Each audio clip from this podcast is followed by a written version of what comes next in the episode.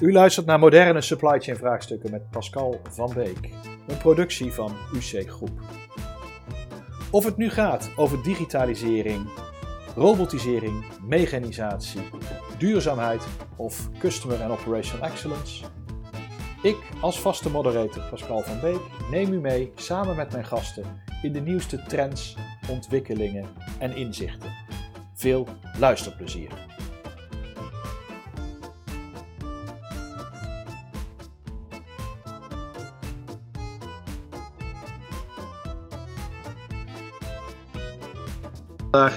Patrick Watervoort en Erik Hogendam. Uh, fijn dat jullie allemaal aanwezig zijn. Fijn dat jullie ook in deze tijden de, uh, de tijd nemen om, uh, om naar dit onderwerp te luisteren. voordat we overgaan naar het onderwerp, een aantal huishoudelijke mededelingen, zoals dat dan zo mooi heet. jullie hebben tijdens het webinar hebben jullie de gelegenheid om vragen te stellen. Die krijg ik eh, binnen op mijn scherm. En daar zal ik van eh, kijken of dat op het moment dat we praten zinvol is om ze in te brengen. Of dat ik er even mee moet wachten. Maar ik probeer altijd podium te geven aan alle vragen die we binnenkrijgen. Ook kreeg ik eh, vorige week dusdanig veel vragen dat het niet eens paste in de, in de tijd. Maar goed, dan zal ik een selectie moeten doen en dan zullen we proberen na, de, na het webinar erop terug te komen. Maar vertrouw me dat ik ze probeer op te pakken. Dat zal niet altijd meteen gaan, want er zit ongeveer eh, tussen de 10 tot 30 seconden, zijn wij, uh, hebben ze ons verteld, tussen het moment van uitzenden, dus dat wij met z'n drieën dit inspreken, en het moment dat jullie ze ontvangen. Dus het kan zijn dat we alweer op een andere slide zitten op het moment dat ik de vragen binnenkrijg, want die komen wel meteen uh, direct binnen. Um, dus nou ja, ben, ben, niet te ongeduldig bij het wachten op de antwoorden. Ik, ik hou het echt in de gaten en af en toe zal ik onder, onderhands ook wel wat teruggeven. Um, dus ja, welkom uh, dames en heren. Een kleine voorstelronde. Wie hebben we dan eigenlijk hier aanwezig? Misschien wil Erik het, het spits af, afbijten. Dat is goed. mijn naam is Erik Hogendam. Ehm, ik ben al vanaf 2002 actief in de logistiek. Ik heb eerst gewerkt bij een logistieke dienstverlener in het zuiden van het land. En vanaf 2014 ben ik bij diverse werkgevers in dienst geweest. In 2016 ben ik uh, voor mezelf begonnen en uh, vanaf afgelopen jaar sta ik volledig op eigen benen uh, binnen de UC Groep. Ik heb verschillende dienstrollen gespeeld in een stukje mechanisatie en een aantal voorbeelden daarvan heb ik vandaag meegenomen. Leuk Erik, ik ben heel benieuwd. Al weet ik natuurlijk al een klein beetje wat er, wat er gaat komen. Patrick. Ja, mijn naam is Patrick Watervoort, partner ook bij UC Group, een jaar of zeven. Echt al twintig jaar uh, ervaring in de logistiek. Uh, gewerkt bij freight carriers, freight forwarders en uh, contract logistics partijen. En met name mijn rol en mijn ervaring zit in logistieke ontwerp, nieuwbouwontwerpen of verbeterprocessen van bestaande logistieke operaties. Mooi zo, een hele puist ervaring op dit, dit domein. En ik, ik vind het leuk dat we het vandaag niet zozeer over de nitty-gritty details gaan hebben, of eigenlijk, eigenlijk ook weer wel maar over de niet zo leuke dingen tijdens mechanisatietrajecten, waaruit eigenlijk nooit over wordt gesproken, maar die wel uh, heel belangrijk zijn uh, uh, voor de toekomst. dat doen wij vanuit UC Groep. Ehm, UC Groep is een interim- en adviesbureau gespecialiseerd in moderne supply chain vraagstukken. En dan kijk ik altijd de vraag, wat zijn dan moderne supply chain vraagstukken? Nou, dat zijn er denk ik legio. Maar wij richten ons met name op digitalisering in supply chains op mechanisatie en robotisering. Daar valt onder andere dit, uh, dit webinar vandaag onder. En op duurzaamheid in supply chain. Het zijn echt een aantal vragen waar onze klanten, of vraagstukken eigenlijk, waar onze klanten toch uh, echt mee stoeien in deze tijd. En uh, deels kostengedreven, deels duurzaamheid of, of verbeter gedreven. Dat doen we met zo'n 50 professionals, waarvan we er hier dan in ieder geval twee om de tafel hebben. Maar achter deze professionals zit nog een leger aan, aan engineers en implementatiedeskundigen. Dus uh, voor zover uh, UC Groep, dan uh, zal ik het woord geloof aan Erik overgeven. Die gaat, het, gaat ook hier weer het spits afbijten. Erik, brand los met je veels. brand los. Of nou, jouw veels. De ja, veels. Ja, dankjewel Pascal. Nou, allereerst de, moeten we ons de vraag stellen, waarom willen we vandaag de, de veels behandelen? Uh, nou, dat heeft ermee te maken dat er uh, natuurlijk vreselijk veel uh, mechanisatieopdrachten worden uitgevaardigd ieder jaar door verladers en logistieke dienstverleners. Ehm, maar ja, waar je eigenlijk altijd hoort van de succesverhalen, is het ook belangrijk om te leren van de dingen die verkeerd zijn gegaan in het verleden. Ik denk dat die nog veel waardevoller zijn dan de, de, succesvolle implementaties. Want daar leer je weer uit voor de toekomstige implementaties. Um, daarvan hebben we er vandaag een, een, een aantal verzameld. En uh, ja, alle met een, met een verschillende reden, een verschillende oorzaak zijn die hier te sprake, komen die hier te sprake vandaag.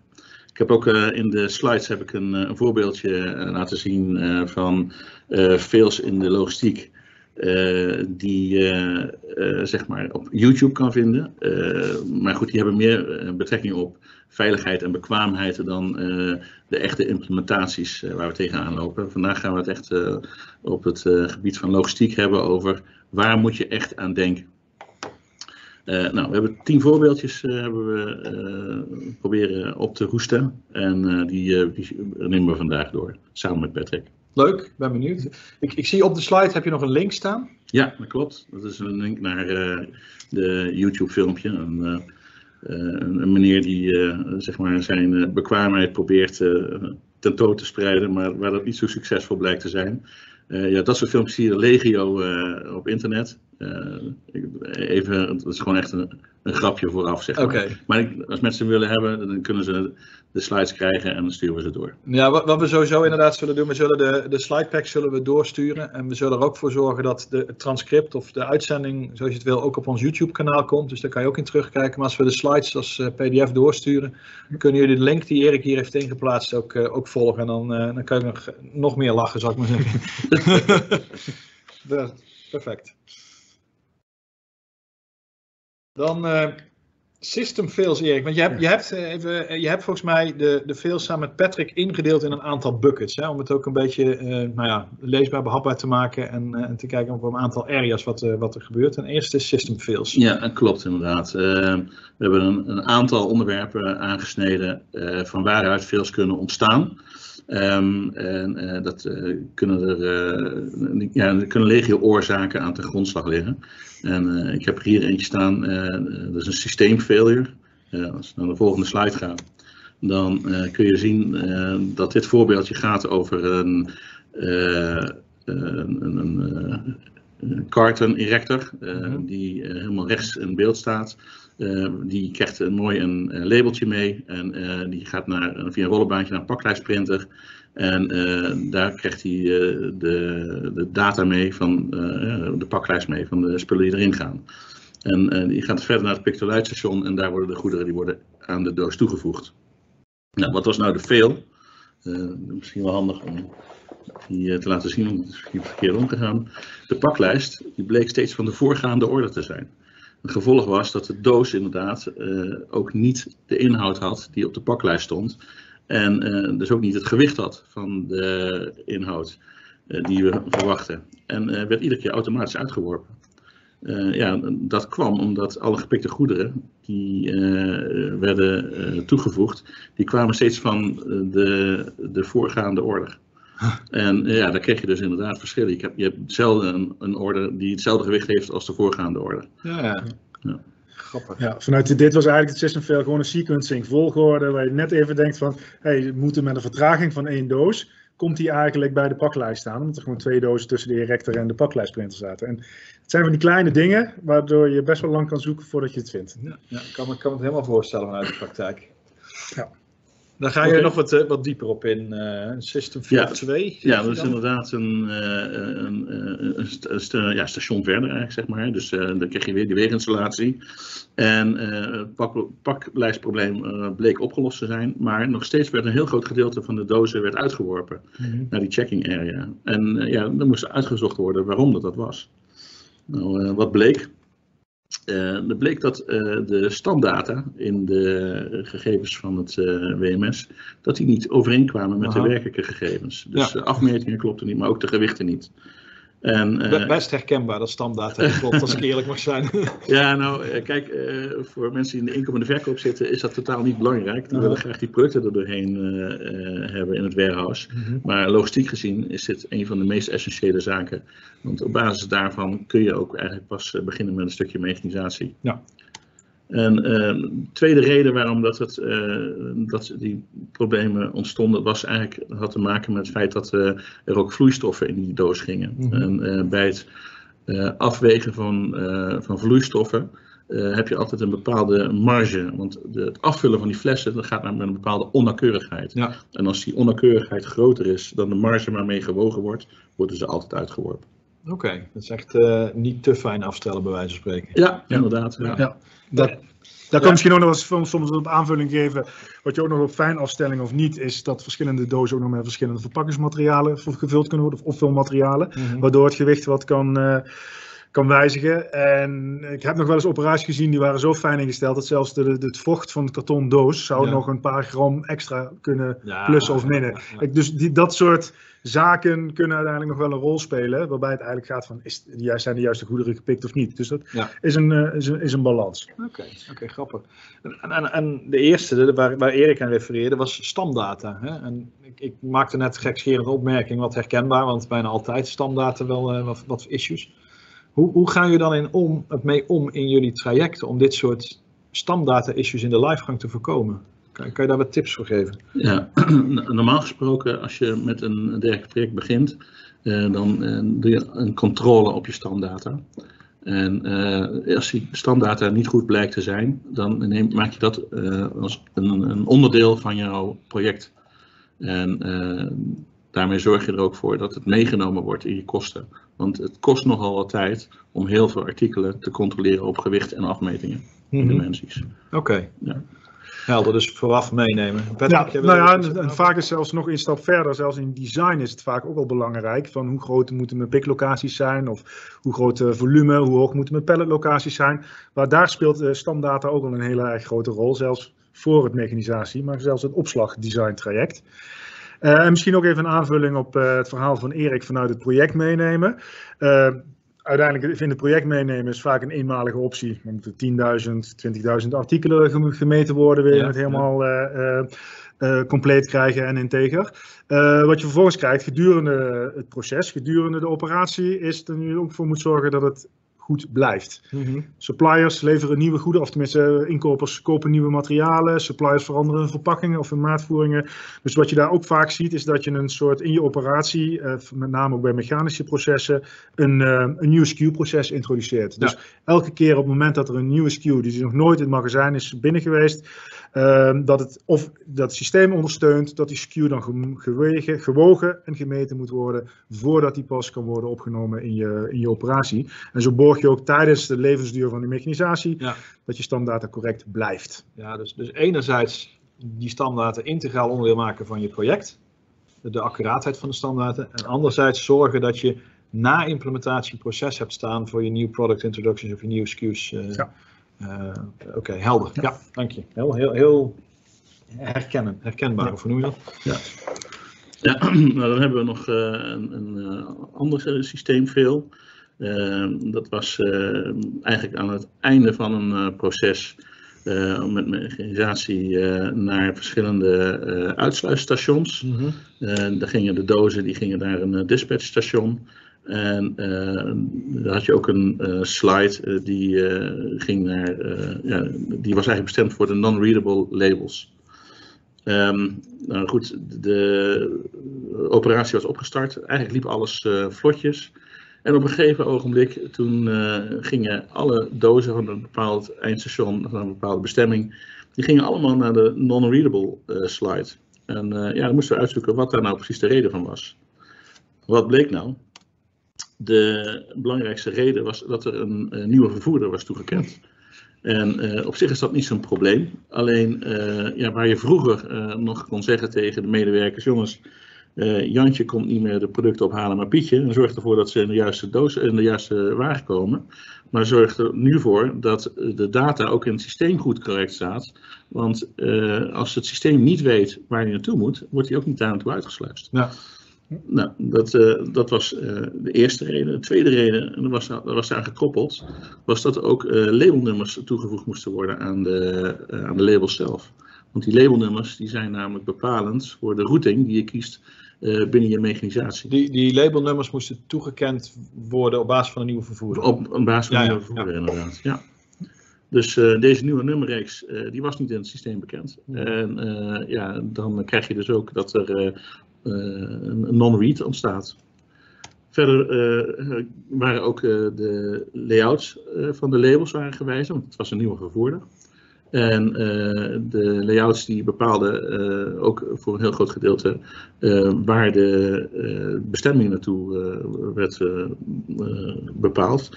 Maar ja, als die niet bekend is, dan krijg je de combinatie van vervoerder en bestemming, dan krijg je dus ook een non-read. Ja. En uiteindelijk was er nog een, een derde, een vierde reden. Uh, want het bleek dat ze van uh, gewone barcodes naar 2D barcodes, naar QR-codes waren overgestapt. Mm -hmm. En uh, de QR-codes die moeten met een grotere dichtheid worden uitgeprint. En de kwaliteit van de printopdrachten was dermate slecht dat ze de, de QR-codes niet konden lezen op de baan. Dus ze werden ze nogmaals werden ze weer uitgesluit. dus er waren vier redenen de, als gevolg van, van uh, één oorzaak, mm -hmm. waardoor uh, de, de dozen werden uitgeworpen. Ja, helder. Ja, ja. Dus dat heeft nog wel wat problemen. Dat heeft wel impact. En dan, zou ik hier eigenlijk dezelfde vraag willen stellen als net. En hoe voorkom je dit dan als je je mechanisatie hebt staan? Ja, hier moet je echt goede afspraken maken uh, met, je, met je organisatie. Mm -hmm. Dit is, vereist echt standaardisatie van je processen. Ja. En met name, omdat dit natuurlijk iets is wat ook gedurende het uh, verloop van je processen kan gebeuren. Mm-hmm. Ook uh, het standaardiseren van wijzigingen, van changes in je proces. Ja. En uh, ik denk dat dat een van de belangrijkste dingen is waar je op moet letten als je met mechanisatie aan de gang gaat. Dat je change management proces na implementatie van de mechanisatie, dat dat ook staat. Ook goed, goed ja. gestandaardiseerd is. Ja. ja. Okay, Waarbij je vaak met mechanisatieprocessen in zo'n go-live de allereerste keer hele testscenario's hebt ontworpen, alle uh, scenario, mogelijke scenario's helemaal heb bedacht en uh, heb doorgesproken en heb getest. Uh, vervolgens in je change proces zeg je, ja vanaf morgen hebben we een nieuwe vervoerder. Ja. En loopt gewoon weer door. Dus dat is één, het is een andere organisatie. Maar twee, het, het, het, het, is, het heeft ook nog niet meer die aandacht. Ja. Bij mechanisatie luistert dat gewoon veel strikter. Ja. En moet je dus ook je veranderproces veel strakker daarop inrichten. Ja, helemaal helder. Leuk.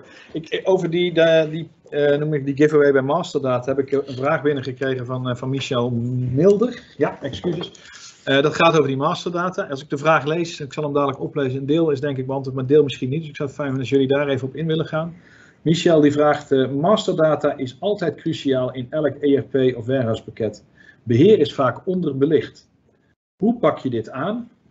Beheerder, persoon, afdeling, discipline, vraagteken. En dan als laatste, er is nog een vraag erin denk ik, de controle. Dus het zijn een aantal vragen in één. Ik weet niet of uh, een van jullie erop wil reageren. Ja, laat ik zo zeggen, zoals ik eerst even zeg van...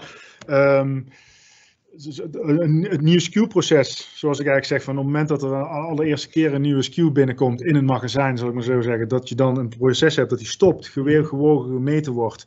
Uiteindelijk is, is daar hè, degene die de grootste pijn heeft, zal ik maar zeggen, die heeft er ook het meeste baat bij om op te lossen. Mm -hmm. uh, het is natuurlijk nog prettiger om hem voor, voor in de bestel, in de supply chain keten, eigenlijk al de discussie te voeren. Ja. Zelfs al bij de inkoop van de producten kun je ook de specificatie van de verpakkingen, de gewichten en de maten uh, voeren, want uiteindelijk is dat ook wel interessant om in de website te publiceren, zodat klanten die het kopen, dat je het daar eventueel ook al kan zien en kan meegeven. Maar um, ja, het, het, hetgeen, dat blijven nog altijd wel afspraken zo vroeg mogelijk in de keten proberen vast te leggen. Uiteindelijk is het wel vaak daar waar het echt pijn doet. Daar ja. moet je, uiteindelijk daar moet je wel die oplossing even zien te vinden. Ja. Want dan denkt die inkoper, zolang hij er geen pijn van ondervindt, is de motivatie om het op te lossen, is het, uh, is het, is minder. Is een stuk geringer. Is een stuk, een stuk geringer. En daar moet je heel, ja, ook even praktisch zijn. Van hoe kun je het beste borgen? Op het moment dat één keer je magazijn binnenkomt en die data is fout, blijf je er continu last van hebben. En ja, voor in de keten graag oplossen, maar zorg dat je je proces in orde hebt. Maar dus dan, dan, zou, je, dan zou je misschien, en dan beantwoord je beide vragen, zeggen, idealiter bij inkoop. Ja. Maar zorg dat je een stevig controleproces hebt bij ingang van je operatie. Ja.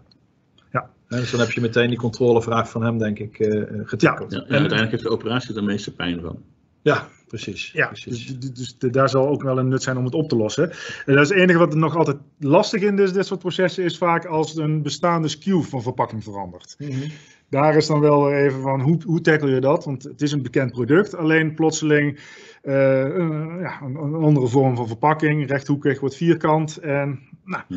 Of, Daar- of één, één SKU krijgt eh, twee leveranciers. Ja. Ja, ja, ja. ja. Met verschillende pakkingsinstructies en verpakkingen. Ja. dat is ook Ja. heel leuk. Ja, Wat- je daar vaak wel ziet is even dat je aan het einde, want uiteindelijk als er iets, echt iets misgaat in je weeginstallatie of in eh, het, Cubic-algoritme wat verkeerd berekent, past niet meer de doos terwijl het berekend wel zou moeten passen. Dus dat je daar wel eh, dus op het einde de signalering maakt van hey, dit is nou dus, dit- met deze SKU zijn nu al zes fouten gekomen. Dan is het wel al zes keer fout gegaan, maar dat je dat soort signalen dan meteen weer terugvoert naar de voorkant. hey, Ja. wat is er aan de hand en waarom is dat fout? En dan kan blijken dat de verpakking veranderd is. Ja, precies. En dan, dan meet je en weeg je hem een keer opnieuw. Nee, helder. Heel goed. Heel goed. Nou, dat was, dat was even een stapje terug naar aanleiding van, eh, van de vraag die we van, eh, van Michel ontvingen. Waarvoor, eh, waarvoor mijn dank.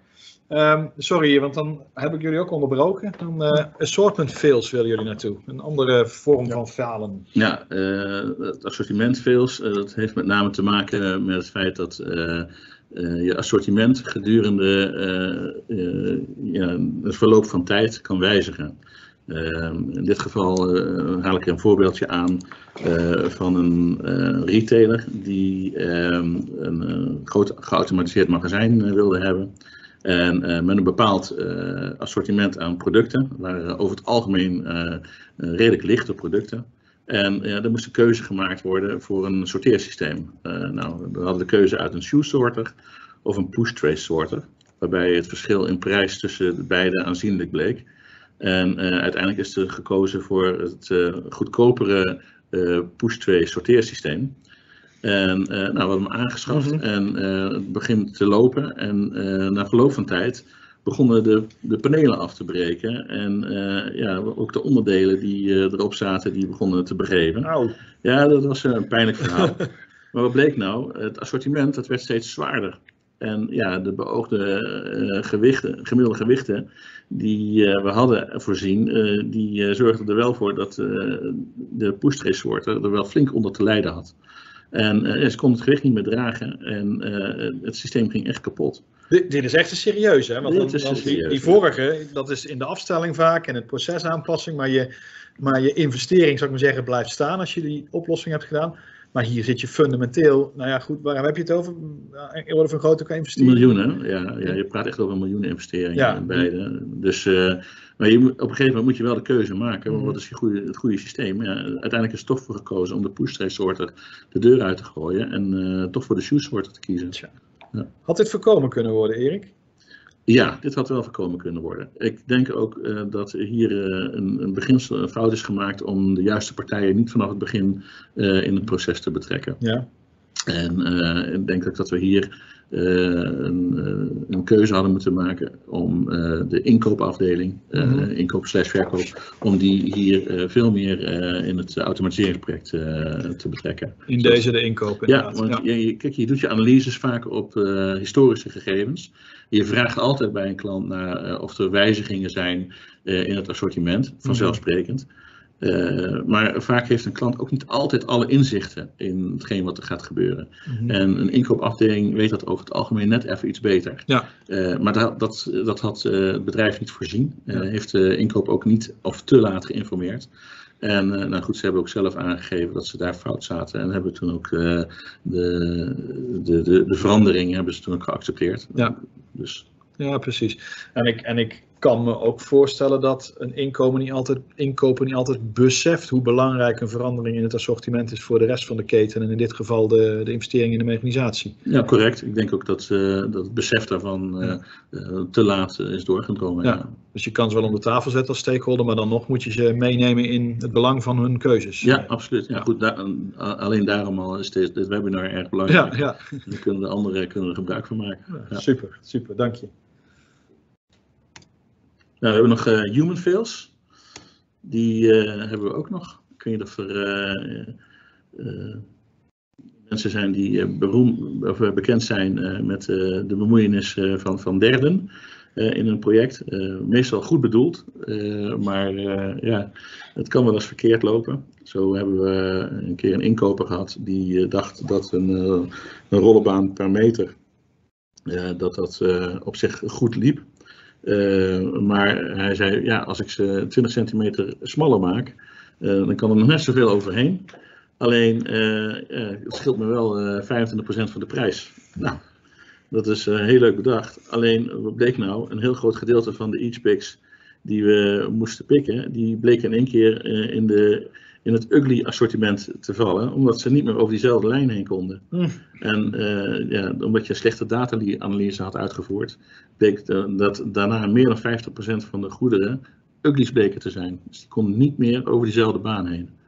En dat heeft wel geleid tot flinke kostenpost. Ja. ja dus uh, dat is ook allemaal weer, weer teruggedraaid. En uh, toen hebben ze dus ook de banen hebben ze weer vervangen. En uh, gelukkig bleek daarna nog maar een heel klein percentage van de goederen ook echt uh, niet meer over de baan te kunnen. En het grootste gedeelte, merendeel wel. Tja, dan heb je toch wel weer die, die nou, de analyse, maar ook de data die erachter uh, achter zit. De combinatie met het equipment wat je, wat je kiest, waar je net in die vorige opmerking al zag. Da daar, krijg ik, daar krijg ik overigens ook een, een, vraag van, van terug. Want je zit hier nou toch nog bij een soort van de convey van, je net had je het over die shoe shorten van, uh, van Erik. En je gaf net aan van het is belangrijk dat de stakeholders om de tafel zitten. Dat in dit geval procurement uh, op tijd is aangehaakt en juist in, in, uh, invulling geeft aan toekomstige ontwikkelingen van de SKU's dan. Erik, zeg maar, ligt hier dan ook niet een, een verantwoordelijkheid van, van de leverancier? Om dat goed, goed, goed aan te geven, denk ik. Ja, natuurlijk. ik denk ook dat de leverancier ook een hele belangrijke rol speelt. Mm -hmm. Maar ook zij zijn afhankelijk van de informatie die zij aangeleverd krijgen vanuit de projectgroep. Ja. Ja, dus, precies. Dus dat is een wisselwerking ja, met, ja, met, de projectgroep, met de stakeholders. Ja. ja, en vanuit de leverancier zie je dus vaak, die, omdat ze nog vaker op hetzelfde uh, gebied operatie zijn, de fails, of tenminste de toekomstige ontwikkelingen, wat de negatieve effecten zijn van bijvoorbeeld een iets lichtere uitvoering van materiaal. Ze zitten er natuurlijk ook met een ander belang wel in, maar ze, ze hebben iets beter uitzicht over de verschillende mogelijkheden van de verschillende soorten equipment. Ja. Ja, dat moet dan gewoon een goede discussie worden. Ja, ja maar welk risico neem je versus het productprofiel wat je nu denkt in de toekomst te gaan ver, uh, verwerken? Ja, helder. Waardevolle aanvulling. Hm. Dan hebben we nog uh, een, uh, mensen van tech support. Die, uh, die zijn altijd uitermate hulpvaardig. ik, ik, voel iets aankomen. Ja, nou op zich was de intentie was hartstikke goed. Want uh, de, er was een, een, een, stuk, een hoek, zeg maar, uh, die uh, diende vervangen te worden. En zij dachten zelf daar iets voor gevonden te hebben. Dus in plaats van een systeem waarbij ze over twee niveaus naar beneden geleid moesten worden, kon dat nu gedaan worden door éénzelfde systeem rollenbaan, maar dan met een iets kleinere radius. Mm -hmm. Dus het linkerplaatje op de slides of de rechter? ja, precies. Ja. Dus het linkerplaatje zou vervangen worden door de rechter. Dat was inderdaad goedkoop, want je hebt minder, minder af te leggen meters natuurlijk. En het systeem was daardoor ook ruimtebesparend. Alleen als je de radius laat afnemen, betekent ook dat de lengte van de producten die over die banen heen gaat, een stuk kleiner wordt. En na aanschaf van de nieuwe rollenbaan bleek dat aantal uglies in één keer met 10% toenam. Hm. Dus uh, ook daar uh, hebben ze dus een, een, een, baan gekocht. Ja, die dus eigenlijk wel voldoende was, maar niet voldoende was voor producten die over die baan heen gingen. Ja. En daar hadden ze geen rekening mee gehouden. Helder. En, en, maar zie je dit vaker, dat technical support na de livegang of, of, of dergelijke nog aanpassingen gaat doen aan het systeem? Uh... Normaal gesproken gebeurt het altijd een overleg met, uh, met engineering. Mm -hmm. uh, in dit geval was dit op eigen initiatief, omdat ze dachten dat er eigenlijk geen wijzigingen plaats zouden vinden. maar dit is na de hand is het ook wel weer gecorrigeerd. Ja. Dus Uiteindelijk heeft het wel een, uh, een besparing opgeleverd. Alleen de, de, ja, de, de radius is gewoon vergroot. Ja, it. helder. helder.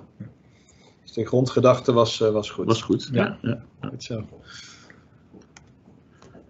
Um, ja, human resource fails. Uh, die zijn er ook. Uh, niet zozeer dat human resource fails de grond staan. maar ik bedoel, uh, het had meer te maken met de, de, de mensen. Fouten veroorzaakt door de mens. Ja. ja, ja. Dus niet, uh, niet, de afdeling zitten we hier. Uh, nee, nee, nee, het is niet de afdeling natuurlijk. Nee. uh, we hadden een operatie, daar werden producten werden daar gepikt in kleine karretjes. En de karren die werden per regel werden die in die bak gegooid. En de, die moesten daarna weer uitgesorteerd worden op order en verpakt worden. Op zich was dat een, een redelijk uh, net, uh, net, net proces. alleen, ja, men vond toch wel dat het aantal pics per uur omhoog moest. En, en, het volume moest ook omhoog. Maar wat hadden we bedacht? we maken een nieuwe pickcard. Er werd gelijk gepikt in de verzenddoos. De pickcard werd ook nog voorzien van een put-to-light systeem. Er werd allemaal op één wagen geplaatst. En ja, de mensen die gingen de, de, het warehouse in. En ja, er werd gepikt. Maar wat bleek? De hoeveelheid uh, orders uh, per, per pickard, die uh, gingen wel omhoog. Alleen het aantal piks per uur, dat viel wel drastisch omlaag. Maar wat was daar nou de reden van? De pikkers waren kleine, uh, zeg ik Pools, maar Oost-Europese dames. en die kregen die, die karren met geen mogelijkheid de hoek om. Dus dingen waren zo zwaar geworden. Ze konden gaan sleuren wat ze wilden. Maar voordat ding echt op dreef was, ja, hadden ze echt over tijd besteed. Dus uh, ja, het, het, vervelende was dat uh, het volume wel gehaald werd, alleen uh, ja, niet in de tijd die men daarvoor had berekend. Dus ja, wat hier eigenlijk gebeurde, was dat we een bepaalde productiviteit hadden berekend die niet gehaald werd. Mm -hmm. En dat, was, dat is echt wel heel erg vervelend, want ja. daarmee gaat ook je kostencalculatie gaat, over de kop. Down the drain. En, en waar, waar het plaatje van een afstand wellicht wat, wat veel lijkt op een, een standaard wagentje, zat hier dus ook nog een heel pick-to-light systeem achter wat je zei. Dus ja, accu erop. Leuke, uh, leuke investering. Trappetje erbij, ja, ja, ja. En dan, uh, en dan blijkt het niet te werken. Ja, ja je had bijna bodybuilders nodig om die karren uh, vooruit te duwen. Ja, dat was wel jammer. Uh, maar ja, goed, dat was een leermomentje. Ja, nou, en hier zie je dus ook inderdaad nadenken over ergonomie. Wat hier dan ook komt. Hè? Dus de zwaarte van de karren, soms ook de hoogte, de rijkbaarheid, hoe kun je daarin. Techniek, put to light, prima. Alleen -hmm. Hoe zorg je ervoor dat het dan uh, goed gebruikt kan gaan worden ja, ja. In, in deze oplossing. Ja. Dus, dus, kom achter de tekentafel uit, zou ik maar zeggen. En ga eens even experimenteren met de mensen die echt met het materiaal moeten gaan werken. Ja, testkarren. Ja, ja. testkarren, ergonomie. Helder. Dan hebben we nog uh, bouwkundige fails bouwkundige fails. En dat is vaak, uh, ja, het is soms... Mag ik even, voordat jullie, voordat jullie oh. verder gaan, want ik krijg, krijg, weer een vraag brengen. Ik heb nog een andere vraag van Erik overigens, maar die kan ik niet, die gaat iets te ver terug. Die zal ik later proberen terug te komen. Maar ik heb een vraag van Michael. En die zegt, uh, ook, ik neem aan dat hij voor die pickcar is. Je kan ook uh, volgrobots of, of ze op een EPT zetten. Dat was ook nog een oplossing geweest. Ja, nee, dat klopt, absoluut. Maar uh, de operatie mm -hmm. moet wel een bepaald rendement opleveren. En uh, met die uh, volgrobots was destijds dat rendement niet uh, te behalen. Okay. Dan waren de pickkarren waren een stuk goedkoper. Kijk, we praten nu ook over tien, ruim tien jaar verder. Ja, ja. en misschien ja. is het de moeite nu wel waard om dit te doen. Het, het, alles hangt ook echt af van de, de, de, periode waarin je, je actief bent. Ja, ja, begrijp ik. Dus, dus die, naast de ergonomie zeg je, is natuurlijk ook altijd weer die business case belangrijk. Van ja, ik kan het wel investeren, maar komt het dan ook nog steeds terug? Precies. Ja. Dank je. Goeie vraag. Uiteraard, dank je Mark. Ja.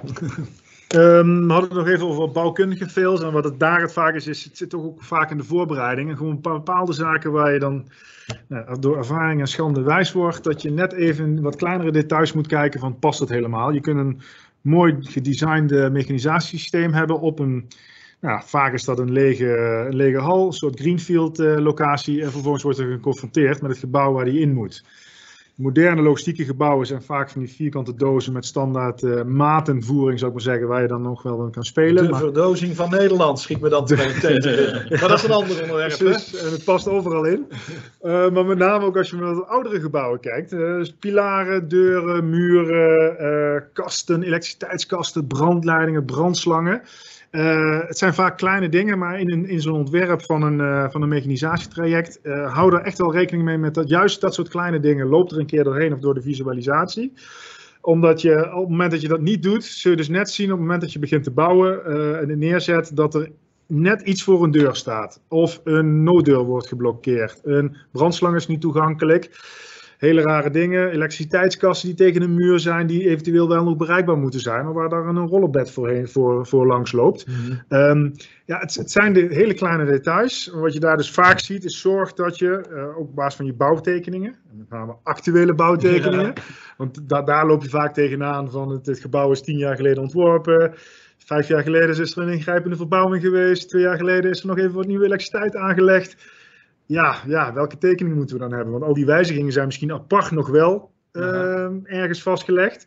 Maar het complete plaatje is niet te vinden. En op het moment dat je dat dan confronteert of dat je daar een mechanisatiesysteem opplopt, zorg ervoor dat je daar wel in die beginfase echt heel goed naar kijkt. Mhm. Dat dit heb ik bedacht. En hoe zit dat dus met mijn kritische punten in de infrastructuur? Ik noem steunpilaren, deuren, brandslangen, eh, toegang tot brandslangen of elektriciteitsinstallaties. Hoe werkt dat in elkaar? En voordat je het gaat bouwen, zorg dat je er een helder beeld van hebt dat alles is afgetikt. Oké, oké. En, en, en zie je dat dan ehm, veel meer terug bij oude panden, hè, wat je net zegt met die revisie van die bouwtekeningen, of, of juist ook bij nieuwe panden, als misschien in de, in de bouw nog van alles wordt gewijzigd? eh? Eh, in de bouw kan het gewijzigd worden. En laat ik zo zeggen, je ziet het meest in, in, in oude gebouwen. Ja. Dat, dat is als het wat minder gestandardiseerd gebouwd is. Of Ja. Door organische groei zijn er, eh, hier is er weer een, eh, een, een, een eh, kantoortje bijgebouwd. en Daar is een overloopje bij gemaakt. Dan wordt het sowieso wat complexer in de layout. Ja. Een, een standaard leegpand. ehm, nou ja, daar heb je gewoon vier muren en een aantal pilaren waar je rekening mee moet houden. Wat je daar, en dan komen we zo in een ander punt nog even terecht, daar is vaak met mechanisatie van wat zijn nou de pandspecificaties geweest. Qua vloeren, qua belastingen van mezzanines, et cetera. En klopt dat dan? Dus is dat dan in overeenstemming met de mechanisatie? We hebben zo nog even een slide Oké, over. oké, helder. De material Ja. fail. Ja. Ja, we hebben een, eh, een keer een opstart gehad van een ehm, eh, mechanisatieproject in een eh, nieuw pand. En eh, blijkbaar was, dat, eh, was de aankoop van het pand was, heel goed uitonderhandeld door de, door de nieuwe eigenaar.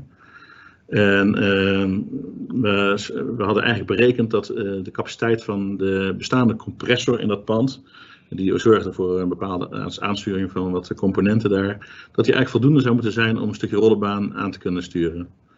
Ehm, nou, eh, alles aangesloten. Wat bleek, eh, de baan die eh, werkt maar op halve snelheid. In ieder geval de, de uitstootsystemen. Eh, want die werken dan op compressed air, op hoge druk. En wat bleek nou? De, door de scherpe aankoopprijs had de verkoper gedacht, nou weet je wat, hij heeft een hele goede prijs gehad voor, al zijn, voor zijn gebouw. Ik zal die componenten zal ik, eh, dan eh, iets goedkoper eh, en iets lager eh, eh, equip erin zetten. Want ja, ik moet toch ergens mijn geld vandaan halen. Dus die had er een compressor in gezet. Die maar de helft van de capaciteit had. En dat verklaarde ook gelijk de reden waarom dat die, die, die dus op halve snelheid werkten. Ehm, nou, was dat dus natuurlijk een, groot probleem. Maar het punt was dat eigenlijk wat er stond te licht was. En eh, dat er dus een compleet nieuwe compressor aangeschaft moest worden. Een hele zware jongen. Eh, en die dus eh, zeg maar gecombineerd en eh het systeem in het pand en de rollenbaan aan kon drijven. Helder. Helder. Ja. Qua, qua, qua, want ik ga weer terug. Erik heeft nog een vraag. Erik had net ook een vraag. Ehm, of eigenlijk geen vraag zie ik als ik nou er beter naar kijk. Dat gaat over die bouwtekeningen en oude panden. hè, Want je net zelf aangaf, Patrick, dat dat vaker in oudere panden dat je dat ziet. Ehm, en die zegt, en dat is een tip denk ik voor iedereen, dat 3D-scanning van oude gebouwen een goed hulpmiddel kan zijn om dit soort eh, problemen te voorkomen. Bij, bij jullie bekend op een of andere manier? Ja, ja eh, tegenwoordig kun je inderdaad heel veel met 3D-scanning doen. Ehm, het geeft eh, in ieder geval een beetje een beeld van wat er in, in, het, eh, in zo'n pand aanwezig is. Eh, ehm, ik moet wel zeggen dat eh, je kunt altijd beter zelf een keer door het pand heen lopen en dan vergelijken met de tekeningen die je, die je tot je beschikking hebt, Mhm. dan alleen met een 3D-scanner eh, door het pand heen wandelen. Eh, vaak zie je met een 3D-scanner niet precies eh, wat de componenten zijn die nou ergens hangen. Want je kunt niet zien of een kast een kast is of echt ook een uh, stroomrelaskast. Ja, ja. En ja, daar wil je toch zeker van zijn dat dat wel klopt met elkaar. Ja, helder. Goed hulpmiddel, maar human brains en ogen uh, bij de hand houden. Ja, absoluut. Ja. Zo, maar dat kan een oplossing ja. zijn. Dank je Erik, daar zal iedereen blij mee zijn. Ook nog word je vaak even bouwkundig en ik denk dat het helemaal even vanuit het pand, uh, dat, dat heeft vaak een historie. Mm -hmm. uh, alle voorafgaande dingen, de hardware of de, de tekeningen. Uh, wat je vaak ook nog bij mechanisatie nog echt even heel goed naar moet kijken zijn vloeren. Vloer, draagkracht van vloeren. Panden worden voor 30 jaar gebouwd. En op een gegeven moment, er gebeurt van alles waar je nog vaak tegenaan loopt in, in, in panden dat op het moment dat de draagkracht van de vloer beperkt is, op het moment dat je daar machines in gaat bouwen of uh, mechanisatie, dat de vloer niet sterk genoeg is. Ja. En dus met name gaat het dan over de puntbelasting. En daar zijn oplossingen voor door middel van steunplaten, zal ik maar zeggen, eronder te monteren en dat soort zaken. Maar dat werkt allemaal kostenverhogend. Operationeel is het niet heel handig met allerlei ijzeren platen. Of je zult ze verdiep moeten gaan uitboren. Mhm. Ik heb zelfs een keer een voorbeeld gezien dat er nieuwe heipalen onder een pand werden geslagen. Door, door middel van gaten tijdens een bestaande operatie. Ehm, maar dat kom je toch nog vaak tegen. Of tenminste, het is een hele goede check om echt even van tevoren te kijken van de mechanisatie die ik nu bedacht heb. Dat kan mezzanine zijn of een soort eh mini-loodsystemen. Kunnen de vloeren dit dragen? Ja. En wat is de impact op de vloeren en wat is er ook gebeurd met die vloeren? Ja, en als uiterste consequentie als dat niet gebeurt, en dan komen dus barsten in die vloer, ja, dan ben je nog veel verder van huis. Ja, Ja. Dan tast je gewoon de integriteit van het pand aan. En dus eigenlijk dan ook je oplossing. maar die, die, noem maar even die gebruiksschade, dat is best lastig vast te stellen. Eh, ja, je kan natuurlijk scheuren in de vloer zien, maar als, over, als een pand al tien jaar eh, behoorlijk belast is, of misschien zelfs onheus belast is geweest, waardoor er extra schade is en, en er dus minder belasting gaat ontstaan voor lange termijn. Tenminste, ik ben geen bouwkundige, maar ik kan me voorstellen dat dat het effect is. Hoe voorkom je dat? Hoe kom je daarachter? Eh, Eh, dat is toch echt bouwkundig onderzoek. ja, Ik, de, de, huisgespecialiseerde eh, gespecialiseerde ingenieursbureaus die kunnen dus echt gewoon gaan kijken naar de vloer en die geven de certificaten af over belastings, eh, maximale belastingen ja, van de vloer op het moment dat het niet uit die specificaties uit de tekeningen betekent. Dus dat betekent één vanaf de bouwer heb je nog de originele specs vanaf de bouwer, Ja. vanaf het bestek. En vervolgens, als dat niet is of als het niet vertrouwt, dan wordt er, wordt er gewoon een apart onderzoek uitgevoerd. Ja. helemaal helder. Externe factoren. Ja. Nou. Ja, dus eh, last but not least. Ja, we hebben eh, een, een hele tijd geleden, waar eh, echt al eh, in, het begin, in de begintijd van de AGV'tjes, hebben we een keer een test gedaan eh, in een warehouse. En eh dat was de bedoeling om eh, producten voor de automotive van de ene kant naar de andere kant van het warehouse te verplaatsen. En bij testen bleek echter dat die AGV'tjes die hun product hadden afgezet, ja, die moesten met een, cirkeltje weer terug naar, naar de andere kant van het warehouse. Maar dat deden ze niet. Mhm. Er hadden overal probes hadden we in de grond zitten, maar op een of andere manier reageerde die niet op die, op die probes. En hij bleef maar rechtdoor rijden tegen het kantoor aan. En eh, we, hebben echt alles nagekeken, alles gecheckt. En eh, de, ja, de magneetsensor die, eh, die bleek gewoon niet meer te werken. Dus we snapten er eigenlijk niet zo heel veel van. En, toen gingen we op onderzoek uit. Wat bleek nou? Vlak naast het plant in Born was een heel groot metaalwerkend bedrijf gevestigd. En eh daar zat een hele grote magneetkraan in. En die zorgde dus voor de verstoring van die sensoren. Briljant. En die, ja, en die die bleven allemaal rechtdoor rijden richting de richting van die kraan. Wat heb je was daaraan echt- gedaan in ja, hemelsnaam? ja. Eh, toen hebben we het project afgeblazen. Het was ook maar een proefje, Ja. maar het was wel heel erg leuk. Maar eh, ja, toen bleek ook dat het dus echt helemaal niet ging. Dus eh, dat was wel, wel heel grappig, ja.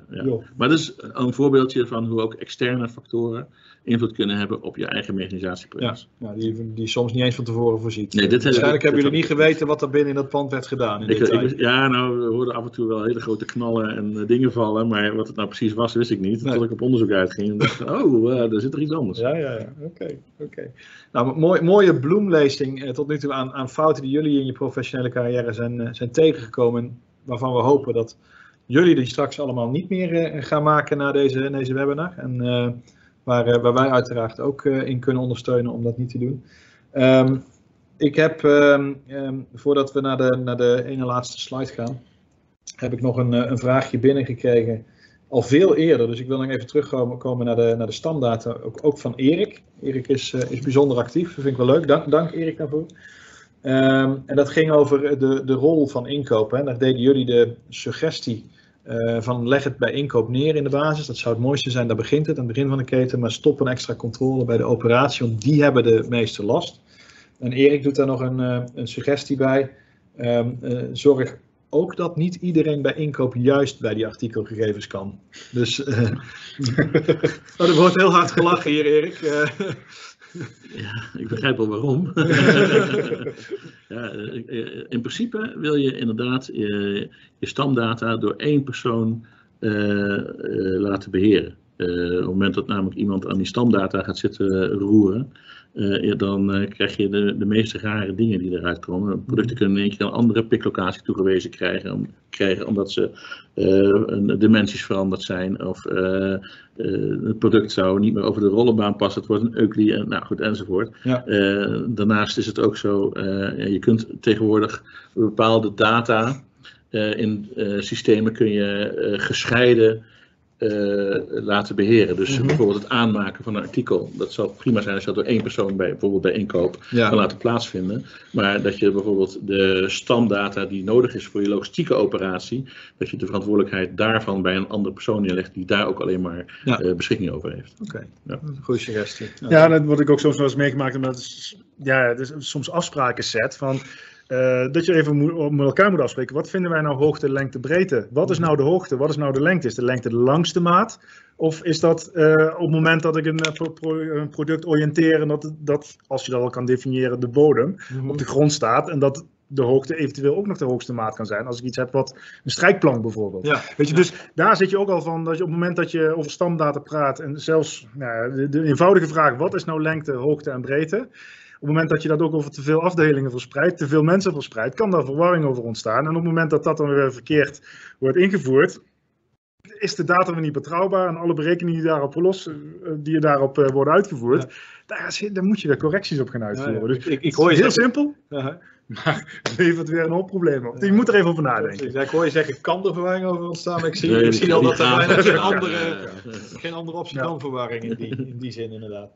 Eh, dan, dan nog een vraag van eh, eh, ja, Anonymous. Zo, zo komt hij dan bij mij binnen, maar iemand die niet heeft ingelogd met zijn, zijn naam. Dus die heeft het ehm, over de sprinklerinstallatie. Dus heb je eigenlijk in alle fails is er, is er niks naar voren gekomen over sprinklerinstallatie. En het is bij veel warehouses en nieuwe warehouse aanpassingen, ook als je niet geen mechanisering maar met rekking zit, weet ik dat sprinkler toch vaak een, ja, een issue is. Kunnen jullie daar nog iets over roepen in het verlengde van, van, van mechanisatie? Ja, eh, ik heb eh, toevallig een, eh, een warehouse in, in, Duitsland geïmplementeerd.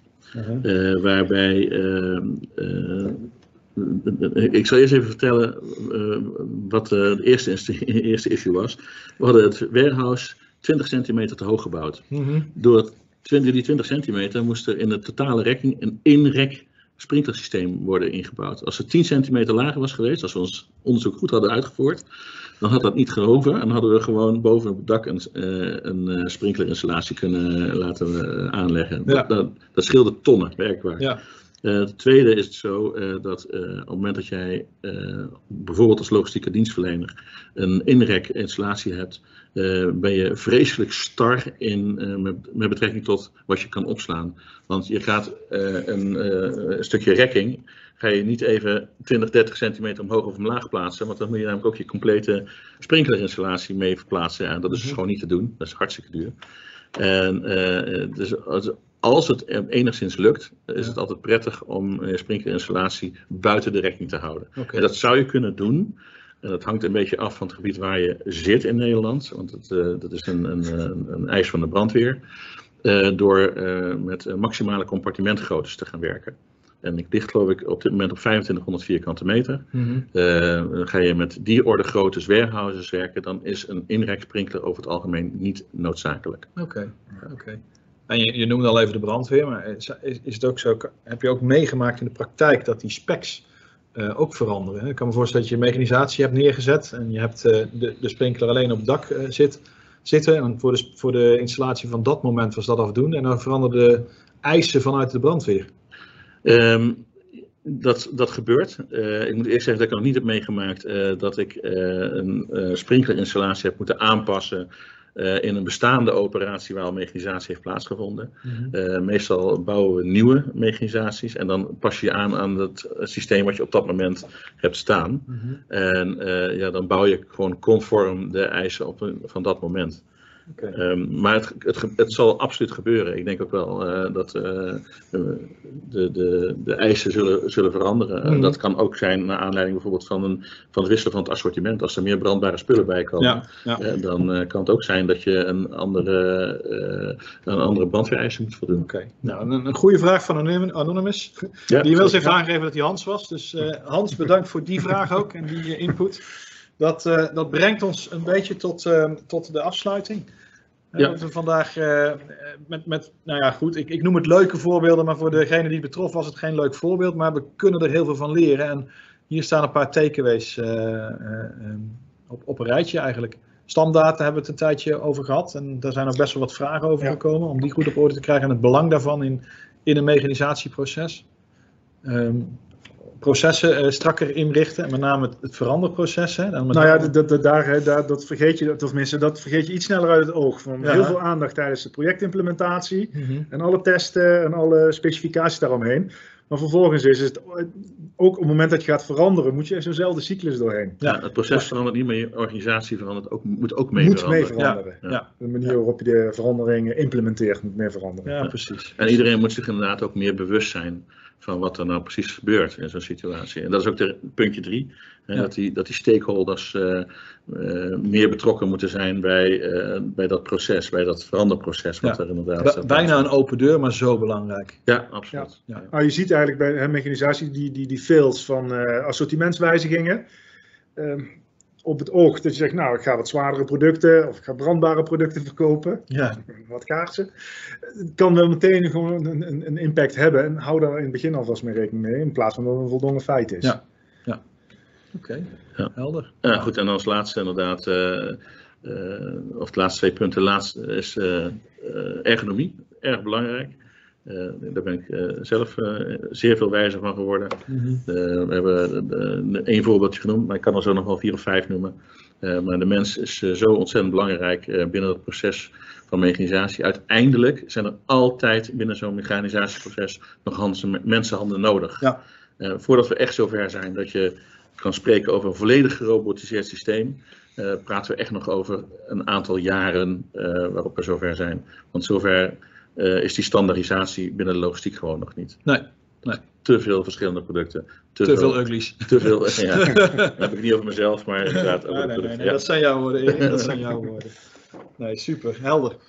Um, ja, dit is het ongeveer. We zijn uh, 50 minuten onderweg. Dus uh, ons ook weer redelijk aan de tijd gehouden. We hebben aardig wat vragen kunnen behandelen. Ik zie er net nog één binnenkomen, dus die ga ik nog even bij stilstaan uh, voordat we afsluiten. Um, oh, dat is een andere takeaway van, van Michael. Dank je, Michael. En misschien denken aan flexibiliteit, aanpasbaarheid van je oplossing. Juist omdat er zoveel mogelijk wijzigende variabelen zijn. Dus wat hij eigenlijk zegt, zorg mechanisatie 1, maar zorg dat hij ook ja, de mechanisatie zelf flexibeler is in het ontwerp en in het design.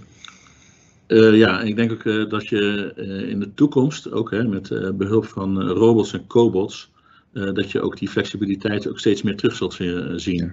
Uh, waar je met een rollenbaan uh, toch redelijk vastzit aan een bepaalde routing mm -hmm. door je warehouse heen. Zul je straks in de toekomst zien dat robots en cobots veel flexibeler daarmee kunnen omgaan. Ja. En ik denk ook echt wel dat, dat daar de toekomst ligt. Oké, okay. nou, mooie, hele mooie afsluiting. Uh, mochten jullie vragen hebben of opmerkingen naar aanleiding van dit webinar, uh, op de slide hier staan de contactdetails. Je kunt ons allemaal één op één benaderen zo je dat wilt. Uh, we zullen, zoals gezegd, de slides ook doorsturen en terugsturen naar jullie. Um, dus daar kan je ook nog even rustig naar kijken en dan zie je ook die contactdetails uit, uiteraard terug. Maar we zorgen wel dat dat, dat, dat gaat lopen. Um, en ze worden op, op de YouTube-kanalen van UC Groep uh, uh, geplaatst. Er staan ook de voorgaande webinars, dus daar kun je ze terugkijken. Ik, uh, ik wil zowel Erik als Patrick heel hartelijk bedanken voor de kennis die jullie vandaag hebben willen geven. Ik hoop dat het heel veel fails in de toekomst gaat voorkomen bij, bij uiteraard onze klanten, maar ook bij klanten, andere klanten in de markt. Want mechanisatie is echt wel een dingetje op dit moment. Hè. Dat, dat zien we wel, dat er, dat er steeds vaker wordt er bij ons om mechanisatieondersteuning gevraagd om het uh, ontwerp te doen vanaf, uh, vanaf de start op tot aan de implementatie. Um, en dat is, dat is een trend die we in algemene zin zien. Dus uh, ik denk dat in ieder van, van jullie jarenlang ervaring heeft kunnen leren vandaag. heel hartelijk bedankt. En luisteraar, bedankt. En bedankt voor de interactiviteit door de vragen die we hebben ontvangen. Heel erg welkom en prettige tijden. Ik hoop dat we snel weer back in normal business zijn na deze coronacrisis. Dank u wel allemaal.